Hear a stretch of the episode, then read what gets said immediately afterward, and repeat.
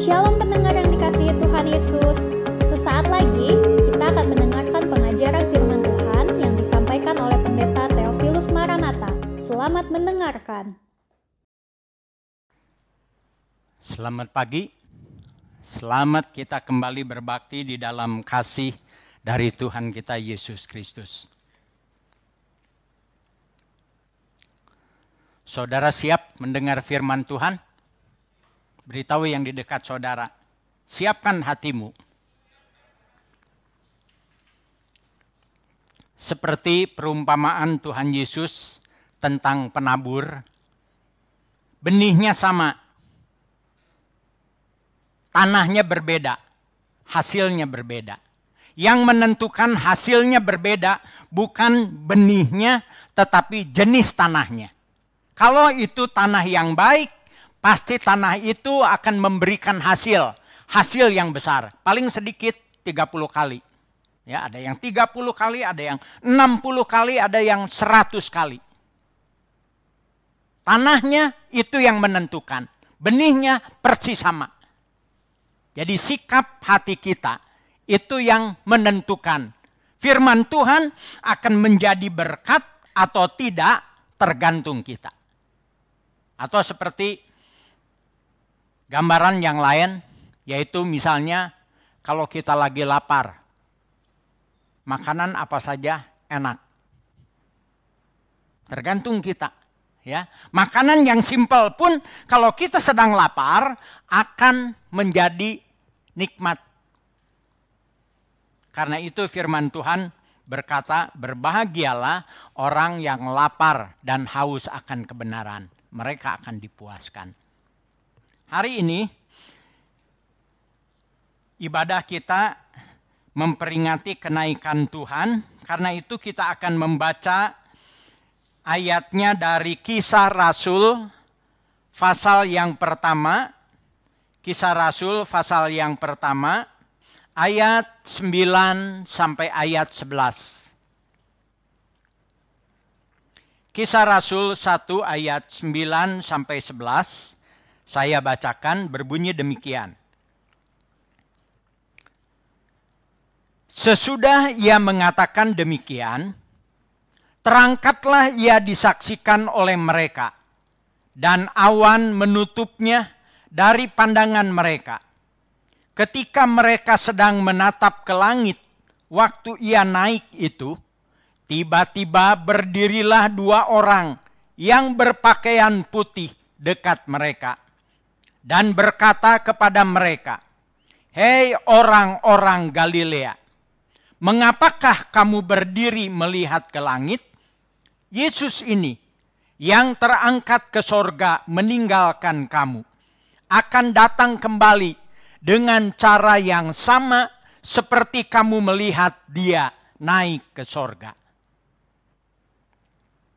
Tema firman Tuhan hari ini, berkat-berkat kedatangannya kembali.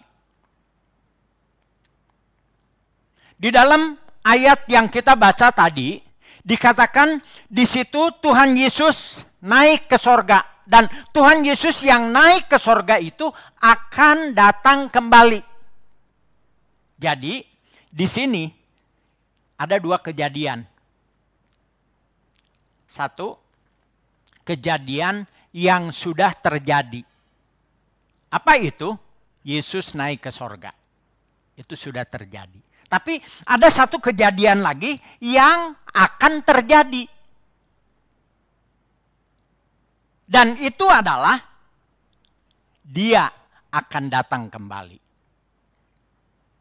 Dan malaikat mengatakan bahwa dia akan datang kembali dengan cara yang sama seperti kamu melihat dia naik ke sorga.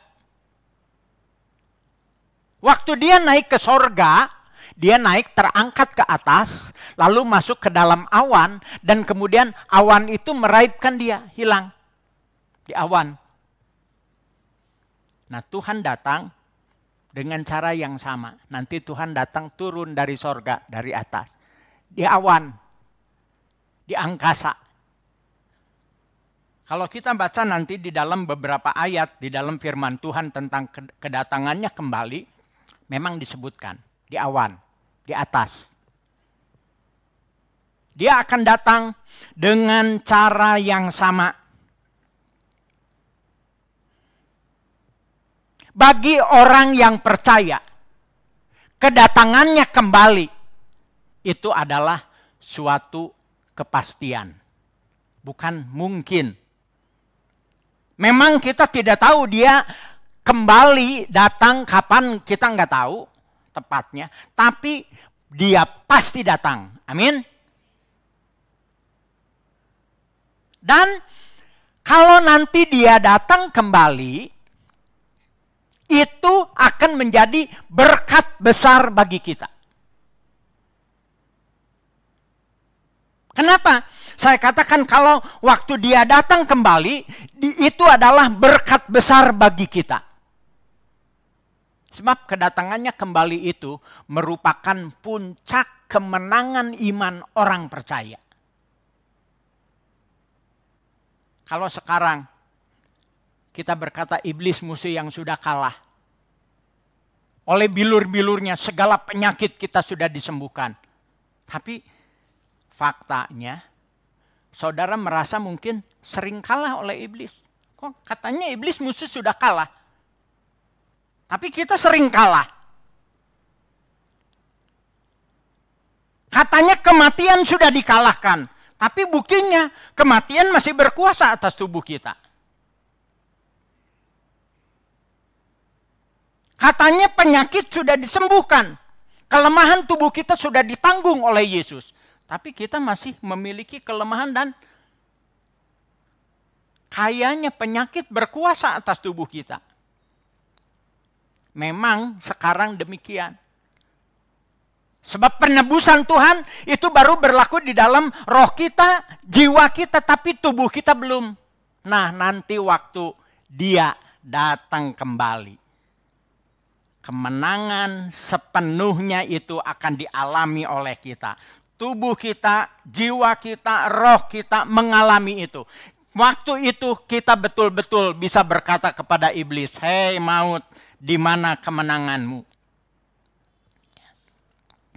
Di segala bidang, pada waktu itu kemenangan akan terjadi di dalam hidup kita secara nyata.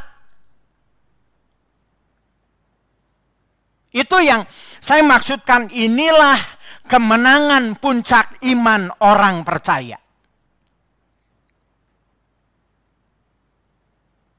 Kemenangan itu terjadi sebab satu,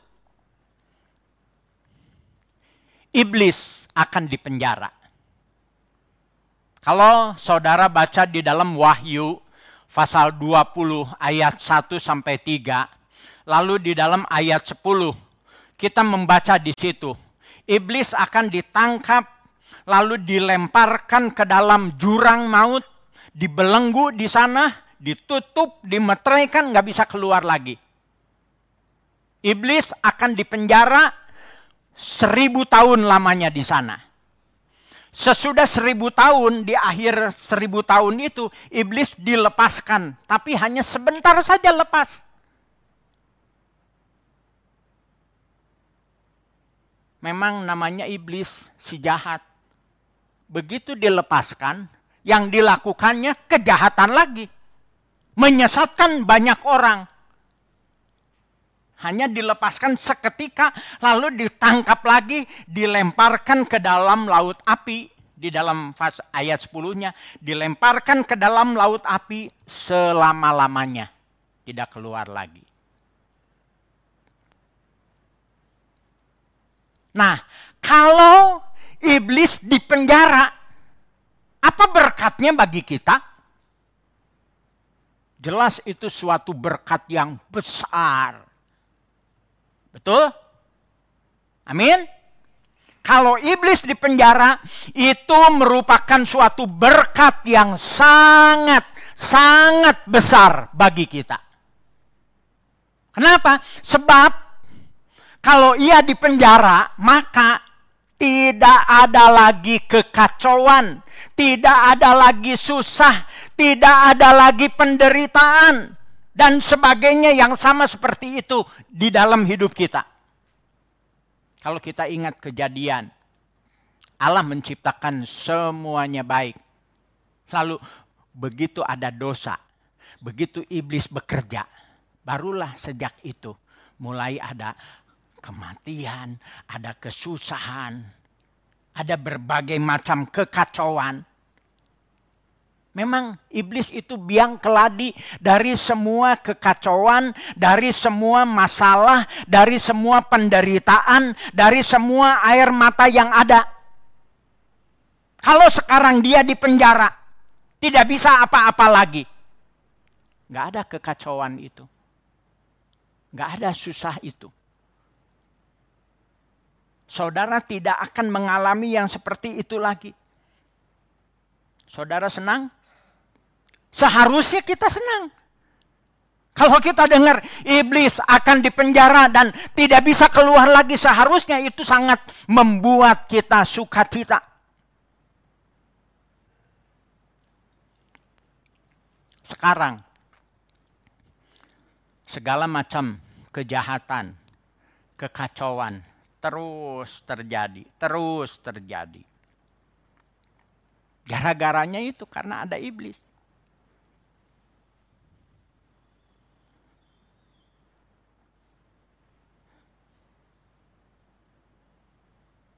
Corona yang kita alami sekarang dengan segala permasalahannya tidak akan ada kalau iblis tidak ada.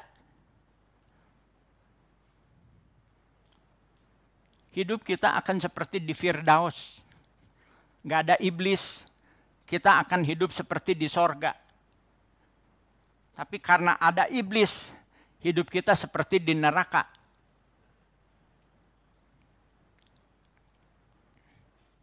Tapi boleh ya di dalam kehidupan kita sekarang masih ada gangguan-gangguan, masih ada kekacauan-kekacauan yang disebabkan oleh iblis.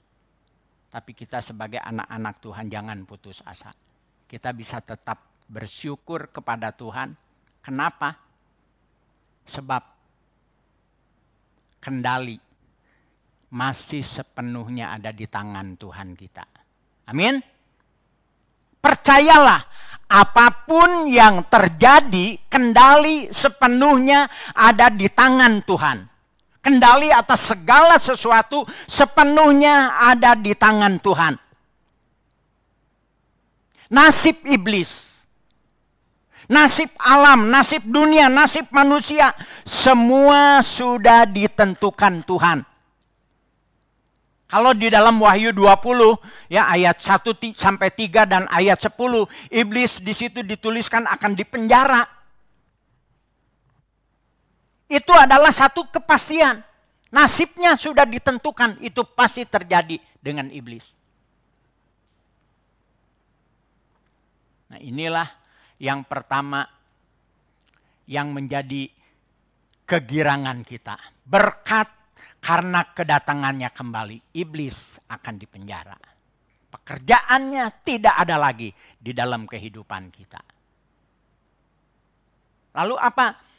Berkat berikutnya dari kedatangan Kristus kembali. Yang kedua, berkatnya adalah Tuhan Yesus Kristus akan memerintah sebagai raja. Kalau dia memerintah sebagai raja, tidak ada lagi macam-macam pemerintahan. Tidak ada lagi kerajaan-kerajaan yang lain. Tidak ada lagi penguasa, hanya satu penguasa Tuhan. Tuhan yang jadi raja, hanya satu kerajaannya dan kerajaannya waktu Tuhan Yesus nanti datang kembali akan disebut kerajaan damai seribu tahun. Sebab dia akan menjadi raja di bumi ini selama seribu tahun. Nanti saudara boleh baca di dalam Wahyu pasal 20 ya. Dia akan menjadi raja selama seribu tahun. Dan disebut kerajaan seribu tahun damai. Kenapa? Iblis sudah dipenjara. Sama sekali tidak ada lagi pekerjaannya, tidak ada lagi dosa, tidak ada lagi kejahatan. Lalu sebaliknya yang jadi rajanya Tuhan sendiri. Tidak heran, lalu yang terjadi kedamaian. Nanti, nanti pada masa itu, kalau Tuhan Yesus datang kembali, akan terjadilah apa yang saudara dan saya suka nyanyikan. Setiap lutut bertelut. Setiap lidah mengaku bahwa Yesus Tuhan. Sekarang kita bersaksi mungkin banyak orang yang mengejek, mengolok. Tapi pada waktu itu tidak ada lutut yang tidak bertelut, tidak ada lidah yang tidak mengaku bahwa Yesus adalah Tuhan. Itu akan terjadi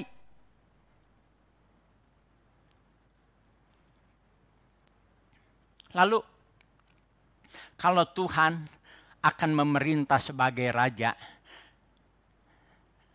sesuai namanya kerajaan seribu tahun damai, pada masa itu keadaan benar-benar damai sampai-sampai binatang pun ada di dalam keadaan damai. Kalau saudara baca di dalam Yesaya 11 ya, di dalam Yesaya 11 itu dituliskan betapa bumi ini ada di dalam keadaan damai. Sebab Allah pulihkan seperti keadaan semula waktu diciptakan di Firdaus. Allah balikan lagi. Pada zaman pertama kali Allah ciptakan bumi ini, manusia hidup kira-kira batasnya sampai seribu tahun. Sehingga Adam umurnya 900 tahun lebih, ada manusia yang paling paling panjang umurnya Metusalah itu 969 tahun kalau tidak salah. Hampir 1000 tahun. Karena memang batasannya 1000 tahun. Nah, zaman kerajaan 1000 tahun kembali begitu 1000 tahun. Jadi kalau 1000 tahun ada yang mati umur 100 tahun, masih bayi, masih balita, masih kecil. Karena umurnya seribu. Kondisinya benar-benar baik. Ya, pemulihan alam semesta termasuk tubuh manusia secara manusiawi. Bukan bukan bukan sudah tubuh tubuh kebangkitan, bukan. Masih tubuh manusia seribu tahun. Lalu tadi saya singgung dari Yesaya 11. Di situ kalau saudara baca ditulis terjadi suasana yang damai bahkan di dunia binatang. Sampai serigala bersama uh, bertinggal bersama domba. Padahal domba itu makanannya. Tapi pada masa itu enggak lagi. Mereka bisa tinggal bersama. Macan tutul berbaring di samping kambing. Lembu dengan beruang, dengan singa sama-sama makan makan rumput.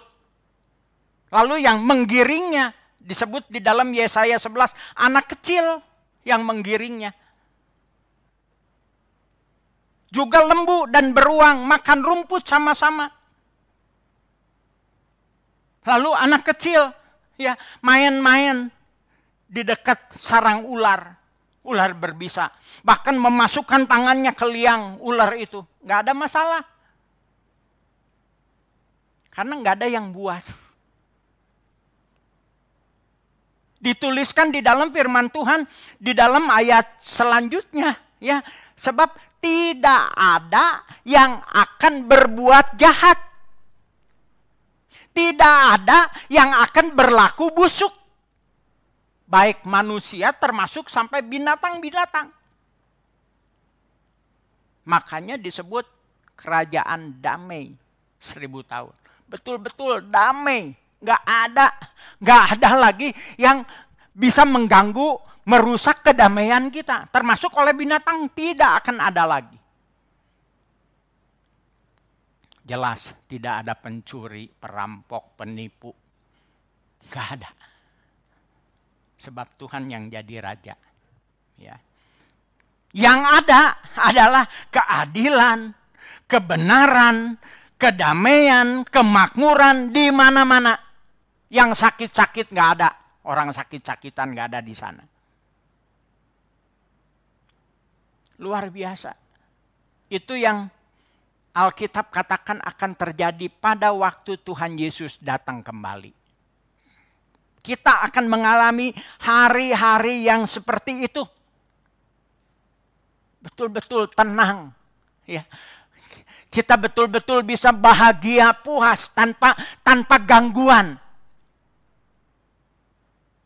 Sekarang kita ngalami nanti bahagia, nanti duka cita.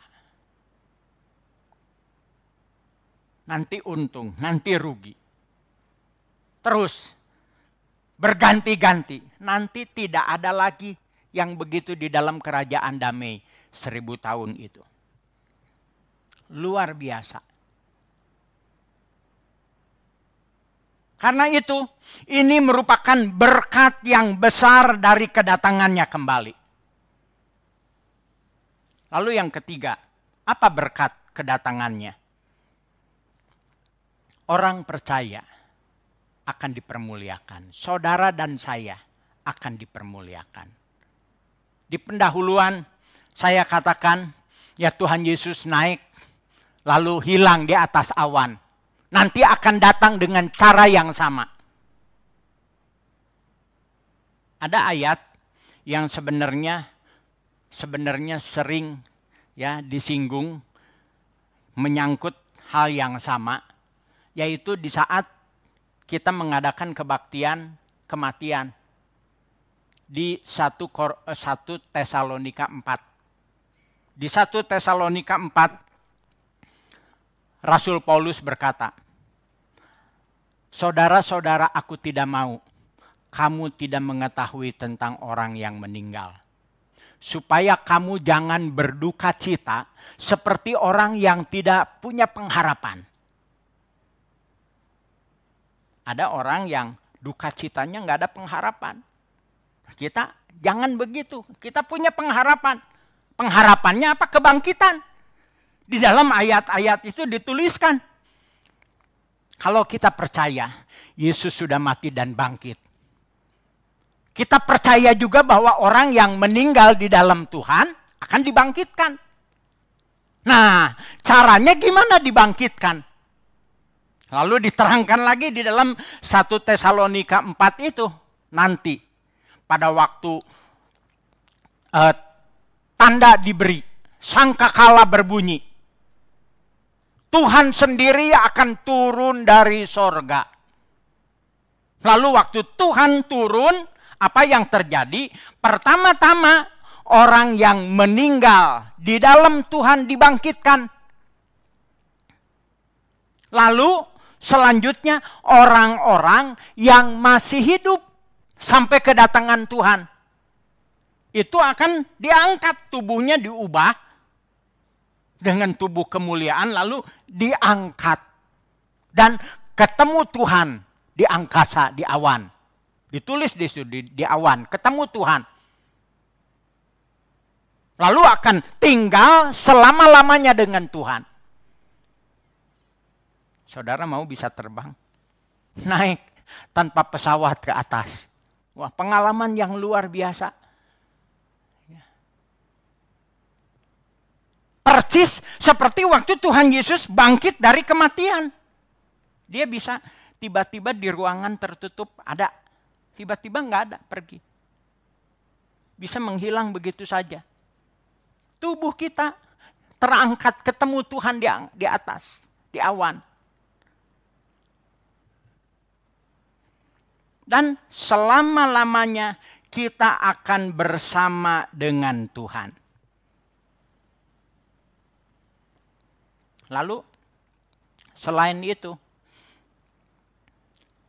Kalau kita baca juga di dalam firman Tuhan, di dalam Wahyu 20, 21, 22, ya khususnya misalnya di dalam Wahyu 20 ayat 4, Wahyu 22 ayat 5, di situ dikatakan kita orang-orang percaya akan dipermuliakan itu dipermuliakan apa? Selain tubuhnya tubuh yang mulia diangkat ketemu Tuhan, juga dipermuliakannya kita akan memerintah bersama dengan Tuhan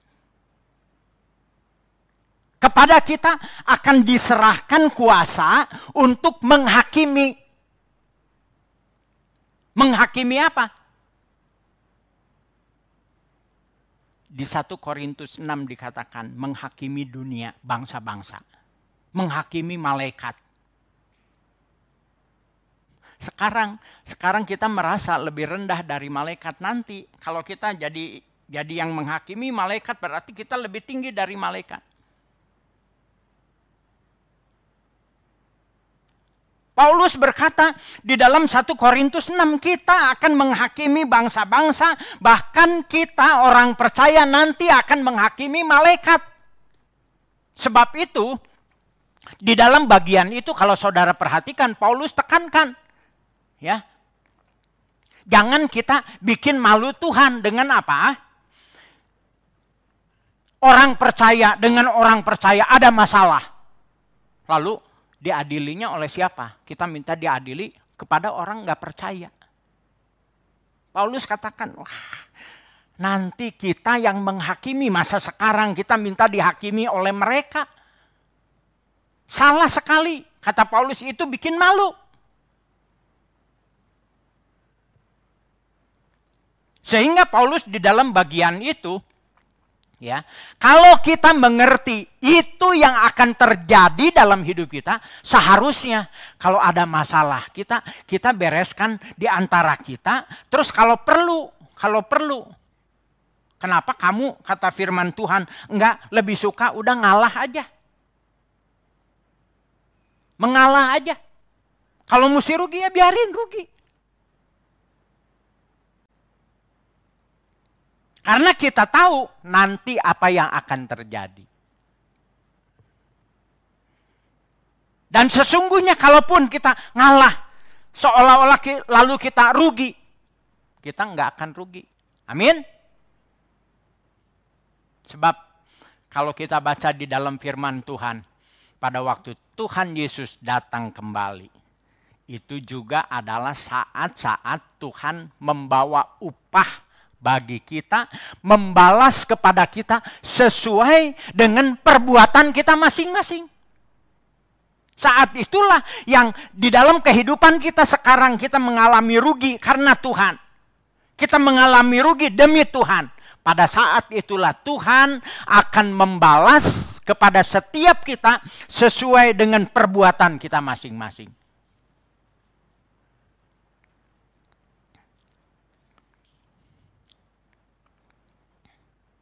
Lalu kalau tadi saya singgung ya, kita akan memerintah dengan Tuhan. Ditulis di situ yang memerintah dengan Tuhan hamba-hambanya. Hamba-hambanya. Tanya yang di dekat saudara, kamu hambanya bukan? Hamba itu yang bagaimana? Yang melayani, Ya, marilah di dalam kehidupan kita, kalau kita mau menjadi orang-orang yang memerintah dengan Tuhan, jadilah hamba-hambanya. Layanilah Tuhan di dalam hidup kita. Abdikanlah hidup kita kepada Tuhan. Kita akan memerintah dengan Tuhan. Kalau Pak Jokowi memerintah paling lama hanya 10 tahun. Kalau kita memerintah dengan Tuhan, mula-mula mula-mula seribu tahun. Mula-mula seribu tahun. Lalu berakhir seribu tahun dilanjutkan dengan apa? Wahyu 21 dilanjutkan dengan langit dan bumi yang baru. Langit yang lama dan bumi yang lama ini lenyap, dilenyapkan diganti dengan langit dan bumi yang baru. Diganti ibu kotanya juga bukan dengan Yerusalem sekarang, Yerusalem baru. Nah, itu akan berjalan selama-lamanya. Sebab itu di dalam Wahyu 22 dikatakan kita akan memerintah bersama Tuhan selama-lamanya. Jadi dia jadi raja, kita juga anak raja, ya jadi raja memerintah selama-lamanya. Sungguh itu satu kemuliaan yang luar biasa. Kita dipermuliakan oleh Tuhan bukan hanya sekian tahun, ya. Kalau kalau bisa jadi raja 10 tahun aja udah menyenangkan.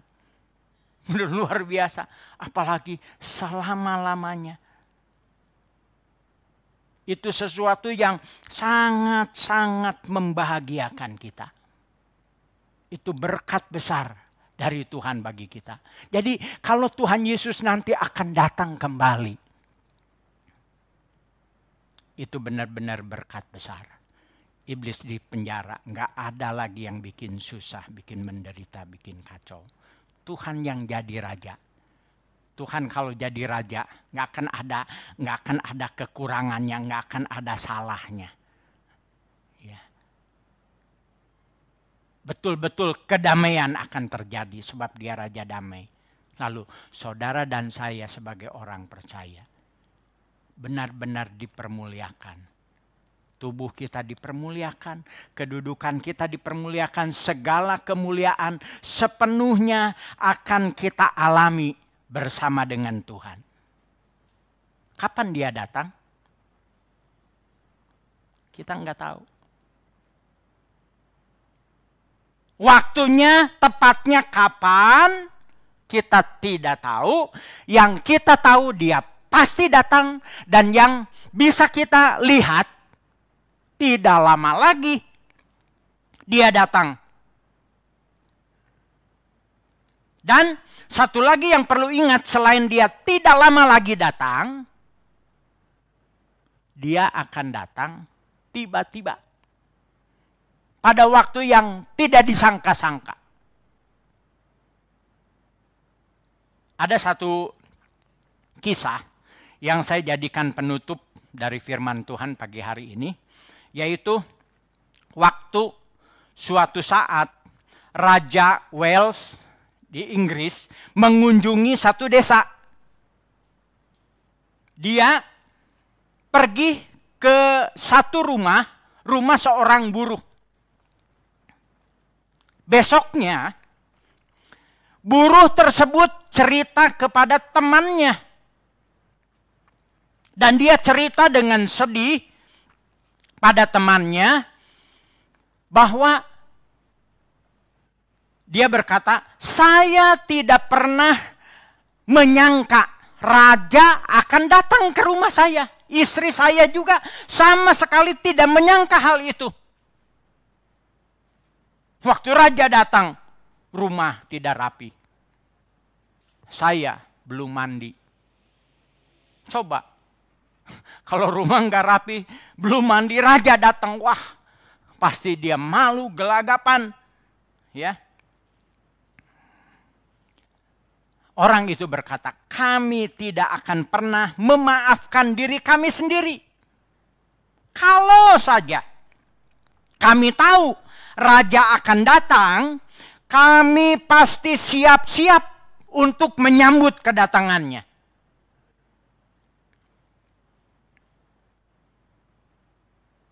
Tapi sudah terlambat. Nah, itu sudah terjadi dan rupanya raja nggak akan pernah lagi berkunjung ke rumahnya. Tidak akan pernah terjadi lagi kejadian itu. Nah sekarang bagi kita, Raja segala Raja. Tuhan kita itu akan datang lagi ke bumi. Kapan? Gak tahu. Tapi pasti akan datang.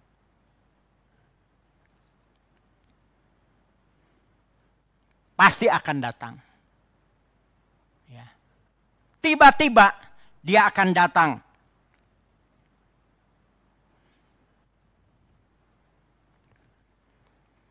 Satu-satunya Pertanyaan bagi kita, apakah kita siap bertemu dengan Dia? Nah, itu itu yang terpenting. Kalau dia tiba-tiba datang, apakah kita siap? Sudah siap bertemu dengan Dia? Kalau kita tidak siap, segala berkat kedatangannya itu akan percuma. Kita tidak akan mengalaminya. Kalau kita mau mengalaminya, semua itu ya, kita harus siap sedia. Kalau kita siap sedia pada waktu dia datang, segala berkat itu tidak percuma. Kita akan mengalaminya. Ibarat kalau saya berkata kepada saudara, ya, saya mau ajak saudara jalan-jalan ke Israel gratis Kalau mendadak sekarang bisa ikut? Paspor juga nggak punya. Kalau saya beritahu nanti satu saat entah kapan siap-siap saja pokoknya saya tiba-tiba ajak ya saudara harus siap saudara bisa siap-siap kalau yang percaya omongan saya siap-siap kalau yang nggak percaya ah Pak Teo mah bohong. Saudara nggak siap-siap suatu hari. Ayo saudara siap. Kita berangkat besok. Saudara ketinggalan. Ya, saudara nggak bisa ikut. Tuhan sudah mengatakan dia akan datang. Pasti terjadi. Marilah kita siap-siap. Upahnya bagi kita akan kita terima untuk selama-lamanya. Selama-lamanya kita dipermuliakan bersama dengan Tuhan kalau kita siap. Amin.